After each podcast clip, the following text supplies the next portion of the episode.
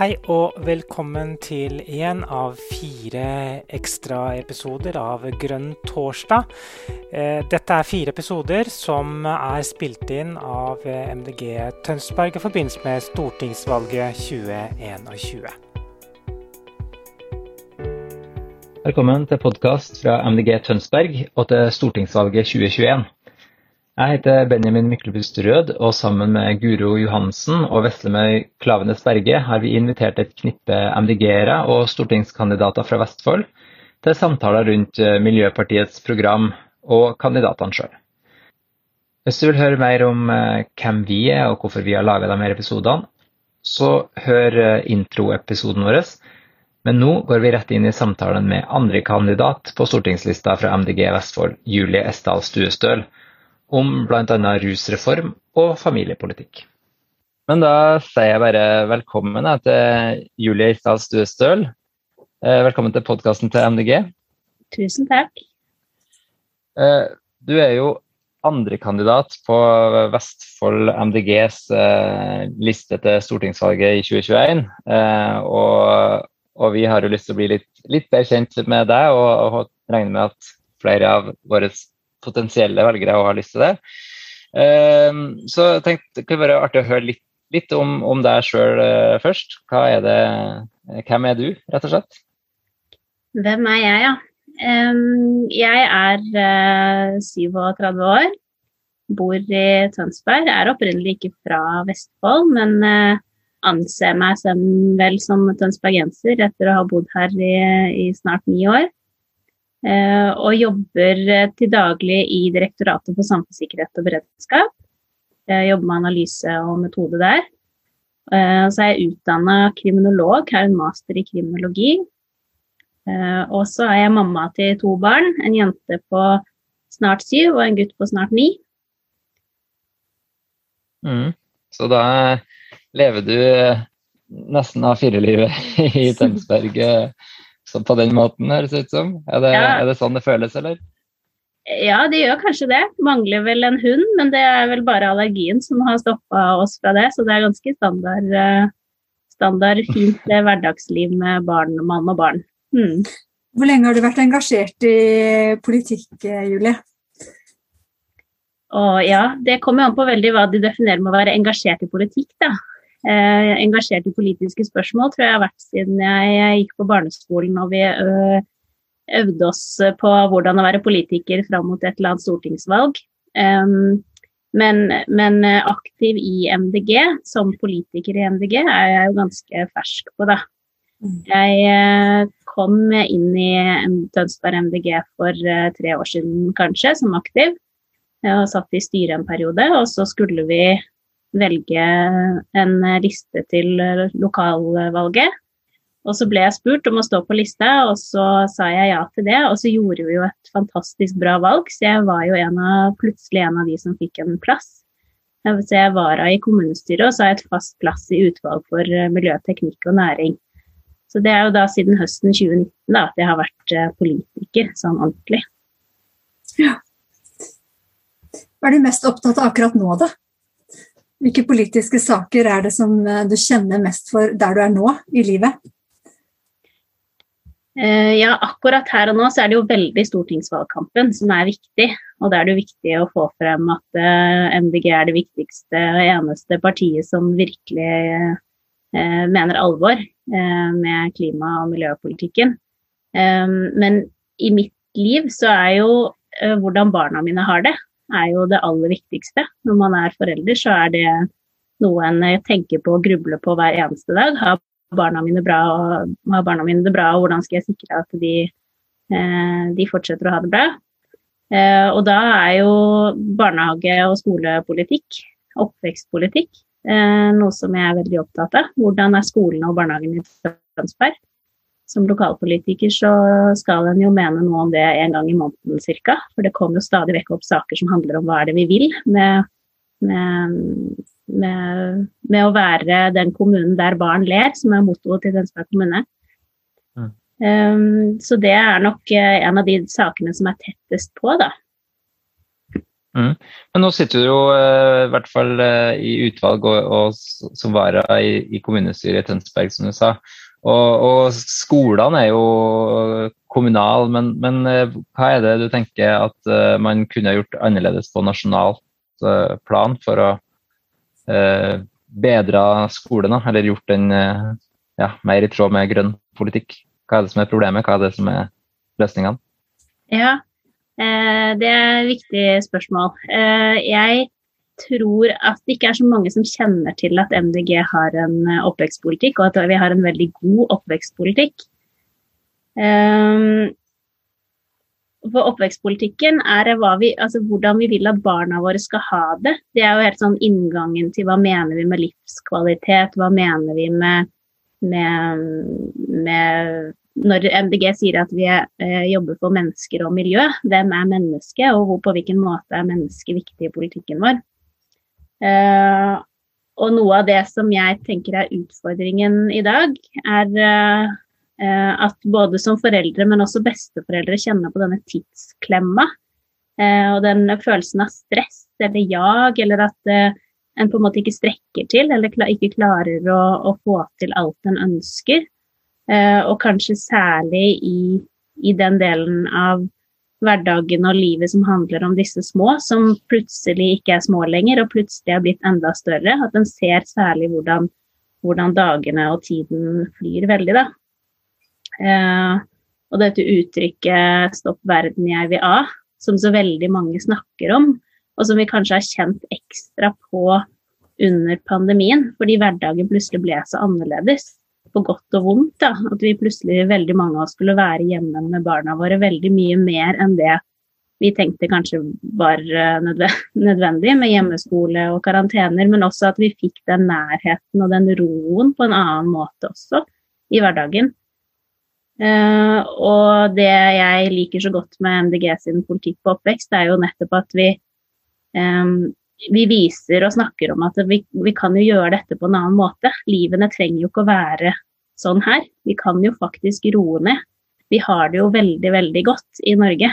Og vi kan faktisk bruke den velstanden også til å ha det bedre og, eh, og finne de gode øyeblikkene enda mer i hverdagen, da. Ikke jage fra skole til fritidsaktiviteter til jobb til alt vi skal rekke å få til.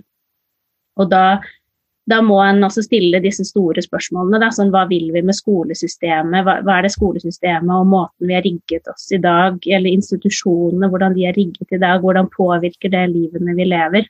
Og trenger det egentlig være på den måten? Og, så, og det gjør det jo ikke, for vi kan jo si som han gutten i 'Keiserens nye klær' at uh, men det, dette her stemmer jo ikke. Dette her er det jo noe helt uh, riv ruskende galt. Um, og det, det, tenker jeg MDG det, det, er et veldig viktig del av MDG sin oppvekst- og skolepolitikk. Da, at vi sier at vi kan gjøre ting på en veldig annen måte. Vi kan kutte ut uh, lekser i første til fjerde klasse. Vi kan kutte ut karakterer på veldig mange områder. Vi kan slutte med den, all denne testingen og rapporteringen og dokumentasjonen som vi driver med så voldsomt mye av i dagens skolesystem. Og så gå litt tilbake til hva er det som egentlig er viktig for barn, da. Hva er det barna våre trenger? Så ja.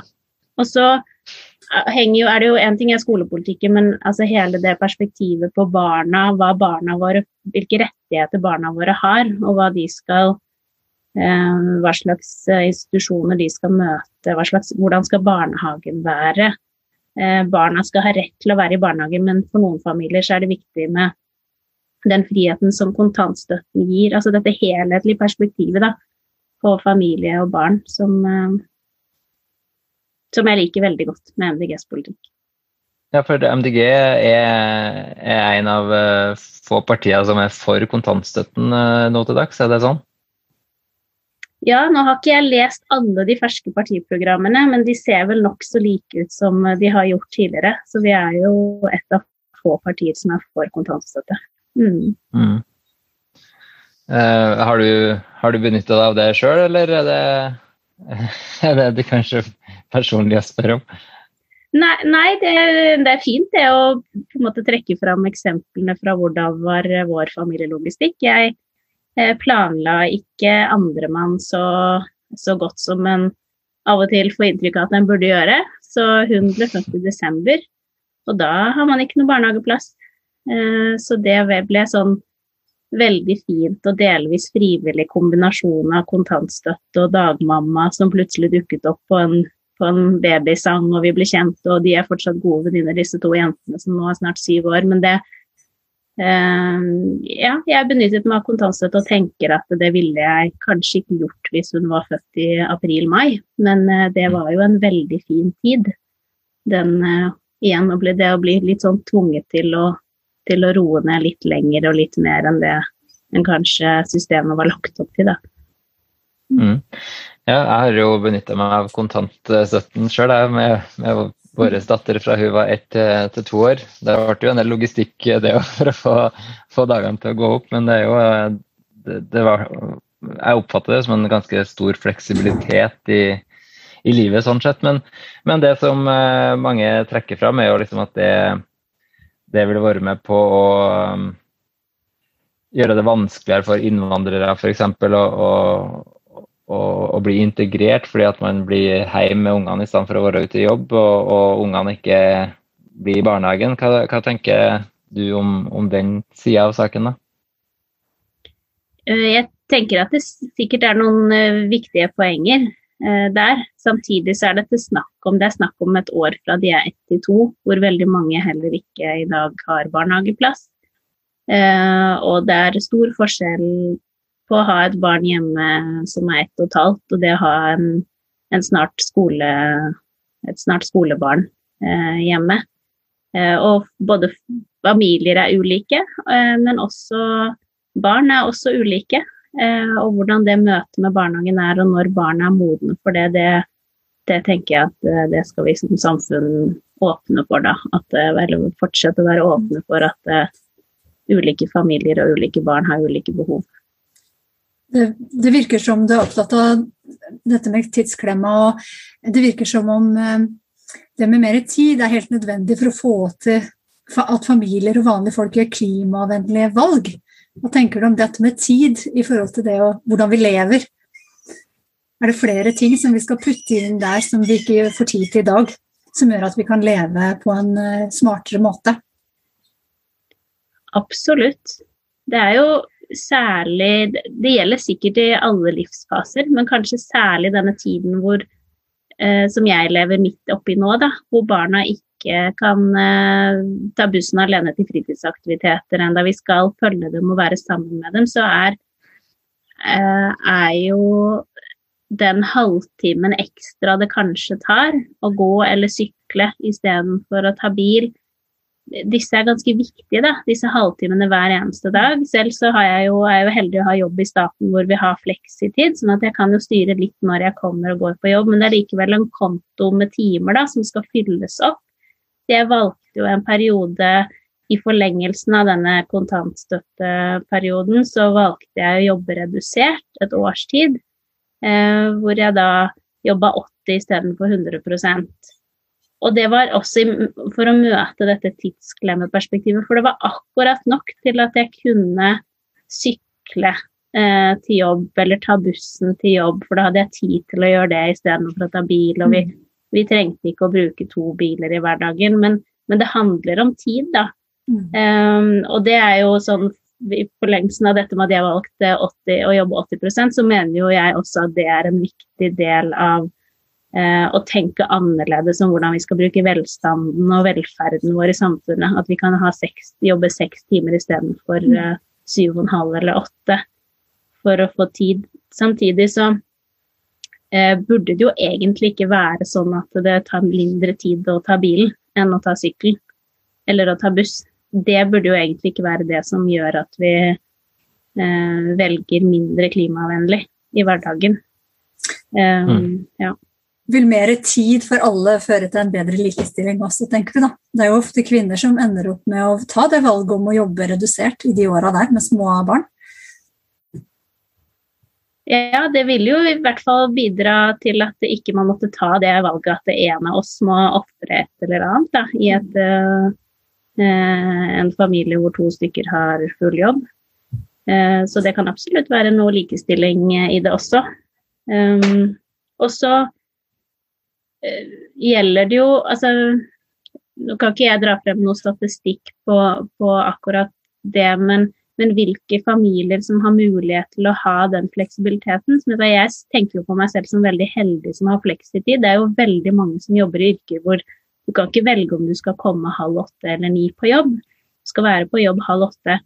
Og det handler jo om hvor barnehagen er, hvor skolen er, eh, om bussene går ofte nok. Alt dette her påvirker jo også hvilken grad eh, familien kan fungere godt og ta klimavennlige valg, men også om man kan få de fine stundene hvis man av og til trenger eh, å håndtere en krise med at den rette strømpebuksa var ikke ren, den var på vask, eller altså, alle disse tingene som skjer i en hverdag, og så eh, få tid til å få tid til å være til stede da, sammen med barna når det skjer sånne ting istedenfor å rushe av gårde og nå skal vi rekke jobb og nå skal vi rekke ditt og datt. Så um, kortere mm. arbeidsdager eh, vil også gjøre mye for den familielogistikken da, og stemningen i alle de små tusen hjem. Og sånn sett henger da den oppvekstpolitikken og kanskje eh, arbeidslivspolitikken sammen da, med å gi mer tid til til andre ting. Eh, men du nevnte jo at kanskje ikke klimavennlige valg trenger å ta lengre tid, men, men vi har jo sett at folk har f.eks. Eh, veldig mange flere har baka sine egne brød da, i, i pandemitida, når man kanskje har litt eh, bedre, eh, bedre tid, man i hvert fall ikke trenger å reise så mye til jobb. og det, det, gjør at man er litt mer fleksibel på at man kan røre i eller steike surdeigsbrødene i, i arbeidstida eller sånne ting. Men eh, Eh, som du var inne på, så har jo den tida her vist at det er mulig med, med endringer. Da. Men eh, hvis du tenker de klimavennlige valgene som vi kan gjøre enten uansett eller som følge av bedre tid, hva, hva, er, det, hva er, det, vi bør gjøre som, eh, som faktisk eh, monner? Sånn for å ta det helt lokalt ned i Tønsberg, så er det jo veitrafikk som er den store utfordringen hvis en skal se på utslippene da, som vi som Tønsberg-samfunn, eh, og det gjelder jo i Norge også generelt og Vestfold, at eh, veitrafikk er en veldig stor eh, utslippskilde. Og det er jo det å velge noe annet enn å kjøre bil. Um, det, er, det er viktig for å bidra til at vi kutter utslipp. Og og det å la være å ta bilen, det kan være å gå eller å sykle eller ta bussen. Uh, og da må jo hver av oss kan ta disse valgene i våre egne liv, og for noen av oss er det veldig mye enklere enn for andre. Men så trenger vi også da politikere som gjør det enklest for flest mulig. Eh, at det går mange nok busser, at bussen ikke er for dyr. At det er trygge sykkelveier overalt hvor eh, Eh, innbyggerne våre kan tenke seg å ta sykkelen. At ikke, at ikke farten på bilveien er for høy, og at det er, eh, at det er gang- og sykkelstier der hvor, eh, hvor, folk vil sykle. Og Det er det mange sånne eksempler på i lokalpolitikken, så møter vi alle disse her små tiltakene hele veien, eller vi får innspill om veistrekninger eller fortauskanter eller eh, fartsgrenser. Eh, og hver og en så kan de på en måte virke små og ikke så viktige, men det er jo til sammen alle disse prioriteringene som er viktige for, eh, for å legge til rette for at en velger sykkelen istedenfor eh, bilen. da. Og så er vi jo vanemennesker, eller vanedyr. Vi, vi, gjør jo det vi er vant til å gjøre, og det er alltid lettest å gjøre det vi gjorde i går og i forgårs, og som vi har pleid å gjøre, for det er forutsigbart og enkelt. Så, så, det å få i gang at vi nå når vi skal tilbake på kontorene, at vi da går tilbake til andre vaner kanskje enn det vi gjorde før, der ligger det en uh, veldig stor mulighet, da. Mm. Og så er det jo, det har jeg snakket en del om i lokalmedia også, at det er, det er frustrerende da, at ikke vi klarer sammen å få til disse prioriteringene for det, for det er en kombinasjon av at vi som politikere skal gjøre det lettere å velge miljøvennlig, og så skal vi gjøre det litt vanskeligere å velge bil. Det må også til, da. Og det må vi kunne si, og det skulle jeg ønske at politikere fra alle partier kunne være med på å si. At det, noen ting handler også om å gjøre det litt vanskeligere. Som f.eks. at uh, vi kan ha færre parkeringsplasser i sentrum, og at vi kan ha, ha bomring i Presterødbakken. Mm. Ja. Jeg bor jo ganske nærme den famøse Presterødbakken uh, sjøl. Og, og, da den ble uh, bygd, så var det jo litt sånn litt uh, kaos, ikke sant. At, uh, at det var sperra, det var litt kø og sånn. Og da ble folk oppfordra til å sykle. Mens man bygger en vei som øker kapasiteten, som gjør at måte, man svekker insentivene for å, for å sykle igjen. Da. når man kanskje egentlig bare kunne oppfordra folk til å sykle eh, generelt. Men, men eh, eh, hva, hva, tenker du om liksom den eh, vekselvirkninga mellom den eh, statlige politikken og det du har å rutte med da, som kommunepolitiker? Altså, hva er det man eh, støter på av barrierer? Ja, det, det, er jo veldig mye vi kan gjøre lokalt men det er ganske mange av de utfordringene vi står i som, hvor vi på en måte må peke oppover. da, På Stortinget eller på fylkespolitikere også, for så vidt. For vi har jo nå både eh, kommunale veier, og vi har fylkesveier og vi har riksveier, og disse skal til sammen eh, utgjøre hele veinettet.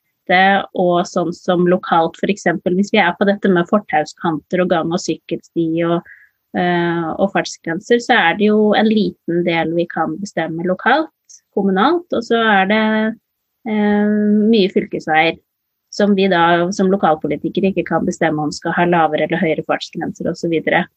Så Så vi trenger jo at det er politikere på alle nivåer som, som er enige om at vi skal prioritere dette og få dette til.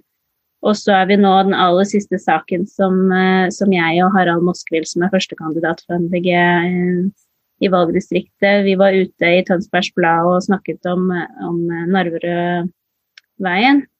Eh, og da, da, er jo det en, en fylkesvei. Og så har kommunen forsøkt å legge til rette for at det kan sykles trygt, men, men, men, der er det også en privat eier av en eiendom langs den veien. Og så er det hele dette samspillet som da eh, som, gjør, som, gjør, det vanskelig å få til gode løsninger, og som gjør at ting tar tid. Og det er jo frustrerende. Eh, og så møter vi jo også eh, fagfolk da i Statens vegvesen eller i, i, kommunen eller i fylkeskommunen som har sine, sitt regelverk og sine normer som de også skal forholde seg til. Og da er vi avhengig av at politikerne på Stortinget igjen er på å sørge for f.eks. at veinormen eh, åpner for at vi kan ha lavere fartsgrenser enn det veinormen sier at vi kan ha i dag. Og det blir jo litt sånn teknisk dette her, men for MDG vi vil jo veldig gjerne ha eh, lav fartsgrense, eh, type 30 km i timen i områder hvor det er eh, i nærheten av skole, eller hvor det er eh, eh både myke og harde trafikanter, holdt jeg på å si. Eh, og det, det åpner ikke veinormen for i så stor grad som vi skulle ønske i dag. Så da er vi avhengig av de på, på toppen, da, til å. For, mm. for, en gruppe som blir kjørt mye, som det har gått opp for meg i det siste, vi har plutselig fått to store barn som skal kunne gjøre det meste sjøl, og de spør jo mye om å bli kjørt hvis det er litt vanskelig. Så det er jo en gruppe, det er en, en kjør, et sånt kjøremønster som er helt nytt for meg. At nå kjører vi ikke bare oss sjøl rundt, men vi kjører dobbelt så mye fordi vi kjører to unger som har egne liv og egne venner også, bl.a. på Narverudveien og for litt siden på sommerskole. Så det, ikke sant? Så det er jo noe med den der eh, tilrettelegginga i lokalmiljøet for liksom alle disse trafikantene. Ja, og, og, der var det også noen som sa nettopp som brukte det eksempelet på at, at uh, ungdommen vil veldig gjerne også ta klimavennlig valg. Men hvis det innebærer f.eks. å stå tre kvarter på bussterminalen i Tønsberg sentrum sent en kveld på vei hjem fra mm. trening, så, så, er det jo flere ting som gjør at det eh, ikke fungerer så godt. Da, hvis hun skal tidlig opp dagen etterpå eller rett og slett kan være litt mm. guffent for en, en 13-åring mm. eh, å stå der alene. Og disse skal jo også bli 18 på et tidspunkt og vurdere om de skal ta lappen eller ikke, og hvordan de skal, hvilke vaner de skal legge seg til. da. Og derfor er det jo også så viktig, som du sier, at eh, at uh, ikke vi driver og kjører ungdommen rundt. For det er jo det er noe de blir også vant til, at det er den mest lettvinte måten å komme seg rundt på. Mm. Men en ting Julie, som, eh, som vi har snakka litt om Benjamin og meg også, det er dette her med eh, litt de forventningene som MDG legger på vanlige folk. Du, hva tenker du rundt dette med eh, at man kanskje, kanskje, noen ganger kan man tenke at, eh, at man skal ha noen ekstra ressurser for å leve sånn som MDG vil at man skal leve. Eh, dette med at politikken kan liksom ramme litt skeivt. At det er enkelt for noen, og så er det mye tyngre for andre å ta disse gode valgene. Mm. Jeg, eh, jeg hø, vi hører jo mye det, at det oppleves som at vi eh, kritiserer eller at vi moraliserer mm. over vanlige folks valg. Eh, og det er jo litt vondt å høre, når det jeg tenker at vi jobber for først og fremst, det er jo at alle skal få lov til å være en del av dette grønne skiftet og skal få lov å ta klimavennlige valg. Og Det er det mye av det det handler om. Politikerne skal legge til rette for at alle har de samme mulighetene til å delta i dette viktige samfunnsendringen. Og så forsøker jo jeg da også å snakke om at den trenger ikke eh, oppfylle disse stereotypiene for å være politiker for MDG, da. Eh, jeg har nevnt noen ganger da at eh, for meg så var det å slutte å fly, det bare på en måte skjedde uten at det var noen stor utfordring. For det var ikke noen steder jeg trengte å fly, verken i jobben eller på privaten. Så det er det mange år siden jeg har gjort. Men å slutte å spise kjøtt, det sitter litt lenger inne for meg. Og det jeg vet ikke om det er sånn for, partier, for politikere noen andre partier at de føler at de på en måte må forsvare eller eller ufarliggjøre sin egen politikk gjennom å snakke om sine egne personlige valg. Da. Men, men det kan vi jo godt gjøre, og det syns jeg jo at mange MDG-ere er flinke til også. Å si at de er glad i kjøtt, f.eks. Eller eh, jeg tenkte på det i går at jeg syns det er ganske deilig å kjøre bil. Eh, det betyr at jeg veldig gjerne vil kunne gå og sykle og ta bussen i hverdagen, men, men eh, skal jeg lengre strekker, så syns jeg det er fint med bilkjøring. Så, ja. Det er veldig mange valg vi blir stilt overfor i dag, hvis vi begynner å få disse perspektivene inn på at vi kan gjøre det ene eller det andre, enten i butikken eller velge sykkel, så kan du kanskje oppleve det litt sånn at, eh, at det blir lagt en del ansvar på individet. Da. Eh, men at ja, i hvilken grad vi bør kanskje liksom, i, i, større grad man bør se på det systemiske rundt. Jeg vet ikke hvordan dere tenker rundt det kommunearbeidet på det lokale nivået. Har du noen tanker rundt det? dette hva man forventer liksom, av innbyggerne, eller hvordan man tilrettelegger for også de svakeste gruppene? Ja, vi, vi snakker absolutt mye om det. Uh, og vi snakker jo særlig om det også i f.eks. saker som gjelder parkering da, og bil, uh, uh, bilpolitikk, hvis en kan si det. Samferdselspolitikk. så er jo noe av de argumentene vi blir møtt med hvis jeg f.eks. argumenterer for at noen av parkeringsplassene nede ved brygga bør gjøres om til park istedenfor parkering. Eh, fordi at det er eh, av mange grunner. Både som et sånn eh, tiltak for at det skal være mindre attraktivt å kjøre bil, men også fordi at det er hyggeligere med en park eller en lekeplass eller en benk nede ved brygga enn eh, oppstilte biler. Så så sier vi jo også samtidig at de som trenger bilen, skal jo også kunne finne parkering. Vi ønsker flere handikap-parkeringsplasser f.eks. Eh, vi ønsker at varetransporten skal kunne komme til. Eh, men, men, det er jo ofte kan være vanskeligere å nå frem med, da, det budskapet. At vi også er bevisst på at eh, det er ikke alle grupper som har like like gode muligheter for å ta de klimavennlige valgene. Men det er også vår oppgave da, å sørge for. Som er, ja. Men, eh, men eh, det er absolutt et tema vi snakker mye om. Og nå venter jeg jo spent på I Tønsberg skal vi behandle en mobilitetsplan eh, til høsten. Og da blir jo også det spennende å se på hvilke måter en diskuterer ulike grupper har ulike transportbehov, og hvordan skal vi ivareta alle. For det handler jo også om det, det, blir jo fort snakk om at de som kjører bil, som har behov for bilen, at det er en utsatt gruppe. Men det er jo også veldig mange utsatte grupper blant myke trafikanter, sånn sett. Ja. Altså alle barna som ikke kan sette seg i bilen og kjøre noe sted, men som faktisk må sykle eller gå eller elsparkesykle, de skal vi også passe på. At ikke de er utsatt for uh, fare i trafikken. Og det savner jeg litt da, i diskusjonen. Mm. Ja, det blir jo veldig ofte framstilt som at MDG liksom er hest og kjerre-partiet, eh, bare fordi at man skal fjerne noen parkeringsplasser. Men, men, jeg tror ikke du er den eneste i MDG som, eh, som, synes at det kan være greit med bil av, av og til òg. Det har jo det, har jo noen, eh, det er jo et nyttig framkomstmiddel, det, det, kan vi jo ikke komme unna. Men, men nå, var vi jo, nå snakka vi jo en del om transport og det liksom lokale planet, men, men hvis man skal gjøre eh, kli, altså på nasjonalt plan, eh, hva slags klimavennlige valg er det eh, som er viktig da? Og da, da transport gjelder selvfølgelig i hele Norge, ikke bare i Tønsberg. Men, men er det andre ting som tenker er viktig å trekke fram på et nasjonalt plan? Ja, utover samferdsel, tenker du på? Ja.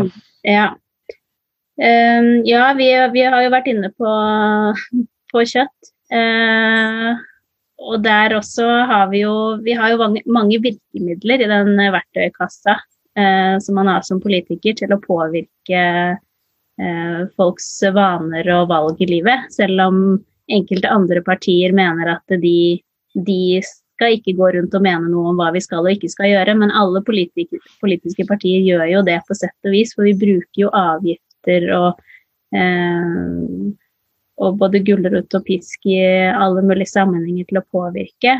Eh, og, og, og, og, gjøre det dyrere å velge eh, matvarer som vi ikke ønsker at det skal spises for mye av. Enten fordi at det ikke er sunt for oss, eller fordi at det Eh, da sånn som med kjøtt f.eks. har en klima, en bakside sånn sett. Eh, det, det, må vi jo gjøre nasjonalt. Vi kan ikke ta, legge noen avgifter på kjøtt eh, lokalt i, i Vestfold. Så, så, det er jo viktige, viktige statlig politikk. Og så har jo, syns jeg jo det er ganske spennende dette forslaget til MDG som vi har i partiprogrammet som handler om taxfree. At hvis vi skroter taxfree-ordningen på fly, skal ikke gjøre det ekstra attraktivt å velge fly gjennom at du kan kjøpe med deg billig vin. Men vi kunne kanskje hatt en taxfree-ordning på tog for å gjøre det mer attraktivt. Og generelt er det jo veldig mye bra togpolitikk i MDGs program. Eh, jeg drømmer veldig om den dagen jeg skal ta toget inn til Oslo, så skal jeg sette meg på nattoget eller legge meg på nattoget i Oslo, så skal jeg våkne opp i Berlin. Eh, vi har sånt, eh, en fremtid du kan glede deg til-slagord i, i, MDG, og det er virkelig en fremtid jeg gleder meg til. Mm. Mm. Ok. Eh, jeg tenkte vi skulle gå over til et, eh, et annet tema. Eh, og, det spiller jo litt tilbake til det sånn som du introduserte deg sjøl òg, at eh, du er jo kriminolog. Og, og, og Miljøpartiet har jo en, en ruspolitikk. Før i tida så, så, var jo MDG kanskje mest kjent for ruspolitikken, mens nå har det kanskje fått en ny vår i aktualitet etter at det har vært litt eh, stille noen år. Eh, og, og, MDG er kanskje ikke så eh, tydelig på, på legalisering som, som, man var for 20 år siden, men, men fortsatt er, er, Miljøpartiet ganske offensiv i det med å eh, fjerne straff for eh, for uh, bruk av, uh, av, ulike rusmidler. Kan, du ta oss liksom kjapt igjennom hva, hva, er det, hva er saksbildet, og, og, hvordan ser det ut med dine kriminologbriller? Ja, Eh, litt sånn for å trekke det enda mer sånn tilbake som hvor, hvorfor det er viktig, eller hvorfor det er um, Hvorfor har MDG det standpunktet vi har, da, og den ruspolitikken vi har? Um, så noe av det jeg liker veldig godt eh, med MDG, er den gjennomgående Altså solidaritet et sånn gjennomgående perspektiv i all politikken vår. Vi har tre solidaritetsprinsipper. Eh, solidaritet med andre mennesker, solidaritet med fremtidige generasjoner og solidaritet med dyr og natur. Og denne solidaritet med andre mennesker, den syns jeg er så veldig spennende og fin å dykke ned i. da og på rusfeltet så er jo den veldig sånn tydelig. Um, og da jeg leste partiprogrammet til MDG første gang jeg leste det sånn fra start til slutt, så var ruspolitikken noe av det som gjorde at jeg fikk en sånn kom igjen-følelse. Her sto det, det ak Akkurat sånn er det, tenkte jeg når jeg leste om ruspolitikken til MDG. Uh, eh, og det, sånn for meg da som kriminolog, da, uh, det perspektivet jeg har med meg Kriminologien er jo sånn gren av samfunnsvitenskap eller gren av sosiologi, uh, som handler særlig om hvordan samfunnet møter handlinger som, eh, som enten er eh, ikke lov etter, eller etter straffeloven f.eks., eller som bryter med noen slags normer. Og rus, rusbruk, noen former for rusbruk, gjør jo det. Bryter med noen normer og eh, knytter seg mye stigma til, da. I tillegg til å være straffbart. Um, og Eh, det vi har sett over veldig, veldig lang tid, og som det har vært en utvikling på da, på dette rusfeltet, har gått, gått mot at stadig flere ser at vi kan velge å møte rusbruk på en annen måte og rusavhengighet på en annen måte enn med straff. Eh, det vi har sett mer og mer, hvis du sammenligner det med, med andre, andre typer helseutfordringer, så mange eh, De aller fleste sykdommer møter vi eh, med helsehjelp. Rusavhengighet har vi da møtt med straff i veldig mange år. Og MDG har vel vært en av de partiene som har sagt hele veien dette, dette, vi må gå fra straff til hjelp. Og så det vært, uh, ble det satt ned et rusreformutvalg som jobbet grundig med dette over lang tid, og som kom med en anbefaling. Og så har jo den debatten som har vært nå de siste månedene og gjennom våren har jo handlet om hvordan skal man ta disse anbefalingene med seg. Hva er det, hva er det som skal bli den nye ruspolitikken? Og anbefalingene der er jo veldig klare. Man skal gå vekk fra straff og bruk og besittelse av små brukerdoser. Mm. Uh, og så ble jo den, den debatten liksom preget av at det ble liksom partipolitisk spill. Eh, og det er jo veldig, veldig synd, for dette handler jo om enkeltmennesker, og det handler om, om, eh, om solidaritet. Da, om hvordan vi skal møte at eh, ulike mennesker tar ulike valg i livet. Eh, og noen eh, eh, noen møter på større utfordringer enn andre. og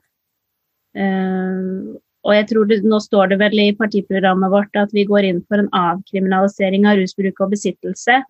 Og så blir det mye diskutert, du nevnte dette med legalisering, for det blir fort liksom satt på spissen en diskusjon om om hun ønsker å avkriminalisere eller legalisere. og Det er jo sånn, kan høres litt sånn lovteknisk ut, men det er viktig, da.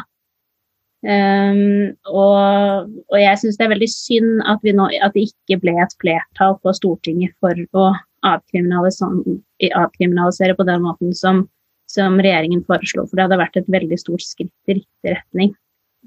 Men, men jeg hører Arild Knutsen f.eks., som er en av disse eh, nestorene som har jobba for dette i veldig mange år. Han sa vel noe sånt som at ja, vi skal fortsette å, å jobbe i, for at dette for å lykkes. Men, men, eh, så dette er liksom en liten, liten Eh, utfordring på veien. Men um, um, ja. Men, men, det er um, Det er en, et veldig viktig Det sier veldig mye om samfunnet. Det er en sånn uh, Det sier mye om et samfunn hvordan vi tar vare på våre svakeste.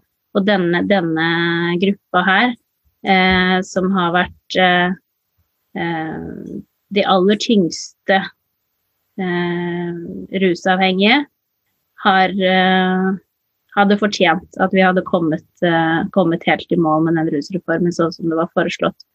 Men så handler jo også mye av diskusjonen handler jo også om hva vi kommuniserer til, til ungdom, eh, eller folk som ikke allerede har en stor, eh, et rusproblem, men som kanskje kan få det i fremtiden.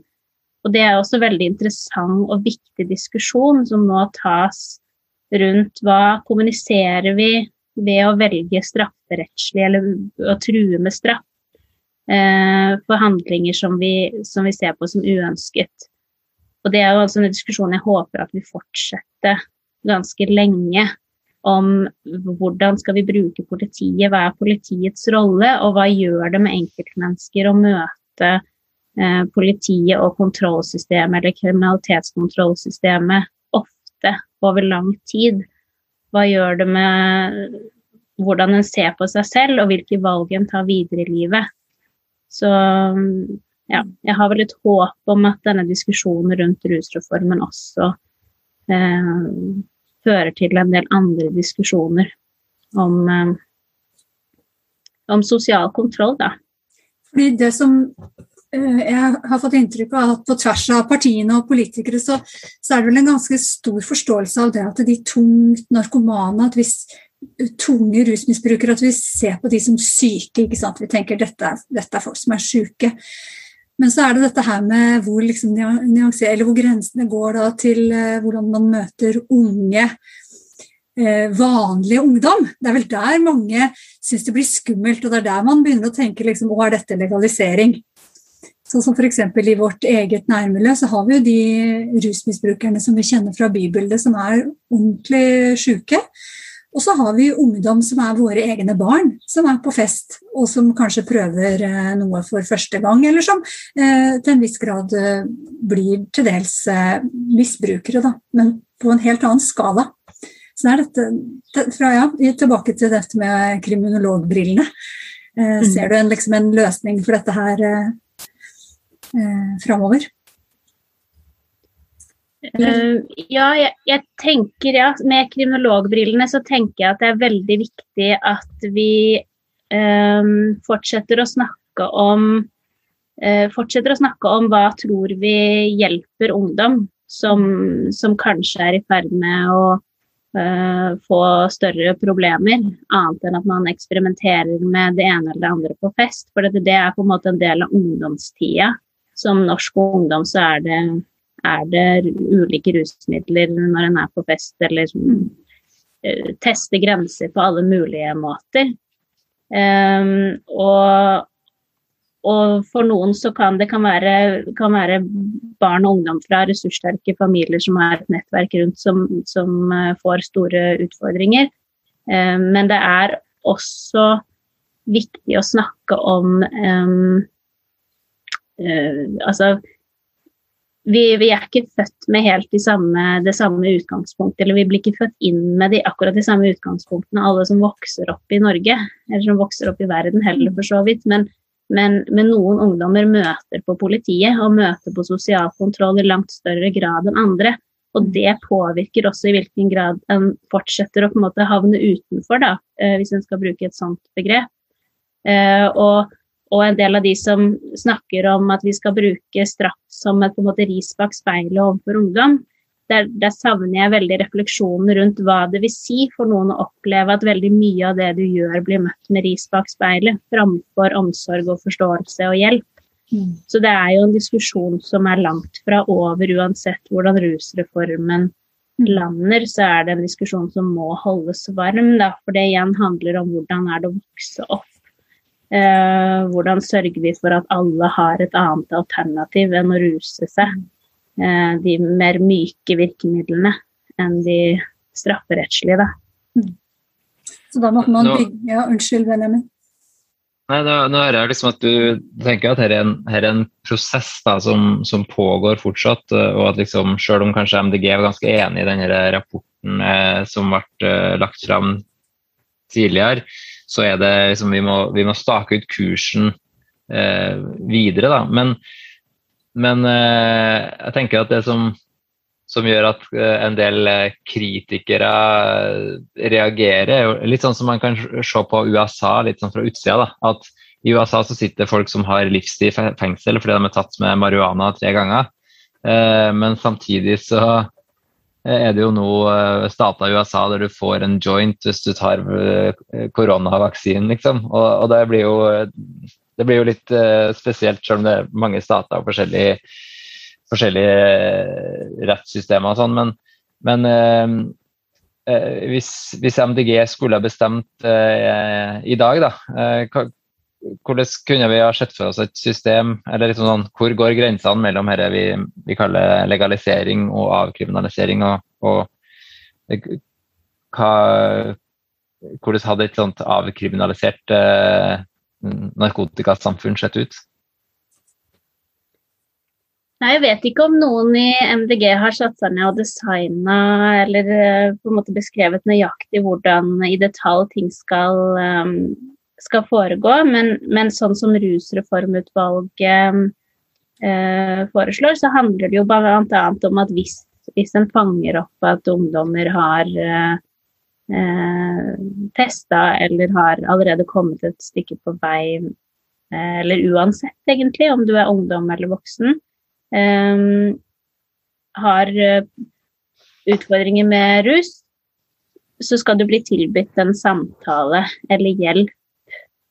Uh, og, og, så har jo det også blitt kritisert for at ja, det eh, hvis, ikke det er, uh, hvis ikke det er obligatorisk, hvis ikke det er noe du må, så, så, vil du kanskje ikke ta imot. Men jeg tenker at vi må ha tro på våre medmennesker på at hvis en står i en vanskelig situasjon, så er et tilbud om hjelp eh, en god ting. Eh, og et, en trussel om straff er sjeldent det. Eh, vi, det er veldig få tilfeller, tror jeg, for de aller fleste, hvor trussel om straff er det beste, beste motivasjonen for å endre atferd. Særlig hvis den rusavhengigheten handler om andre problemer i livet, som den jo gjerne vil gjøre. Det jeg ikke nevnte da jeg snakket om meg selv, er at jeg har jobba på det som heter Sprøyterommet i Oslo. Som, som, da den gang kun var et tilbud for heroininjiserende brukere. Nå har de vel også fått et røykerom hvor man kan røyke heroin, som er bedre enn å injisere det med, med sprøyter. Men, men, da fikk jeg jo muligheten til å snakke med ganske mange av de aller tyngste heroinavhengige i, i deler av miljøet, i hvert fall, i Oslo. Uh, og for veldig mange så handler det jo om psykiatri. At den har hatt uh, veldig vanskelig oppvekst eller opplevd veldig store utfordringer i livet, kan også være i voksenlivet. Og en god del har opplevd at uh, de har vært i en ulykke f.eks. og fått tunge smertestillende som de har blitt avhengig av, og så får de ikke lenger de på resept.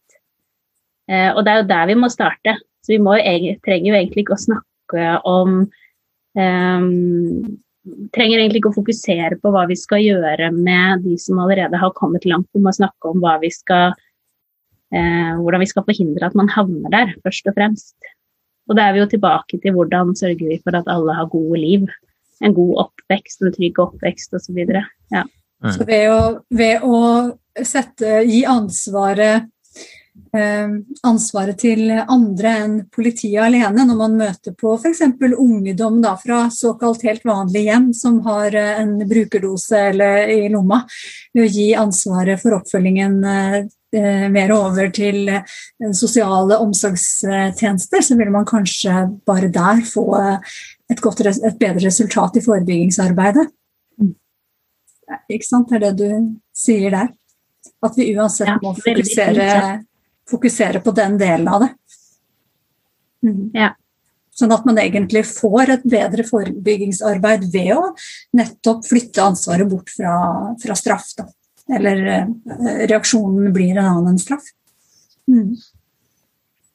Det er spennende. Nå har vi vært gjennom mange temaer. Vi, ja, jeg tror vi har, vi har vel nesten runda det som var planen å snakke med deg om. Mm, og vi har vel eh, gitt folk muligheten til å bli litt bedre kjent med deg òg, eh, Julie. Er det noe du har uh, brent inn med nå på slutten? Oi, det er så mye vi kunne snakket om. Kan vi lage flere episoder? Nei. Nei, jeg syns jeg har fått muligheten til å snakke om noen av de tingene som er viktige.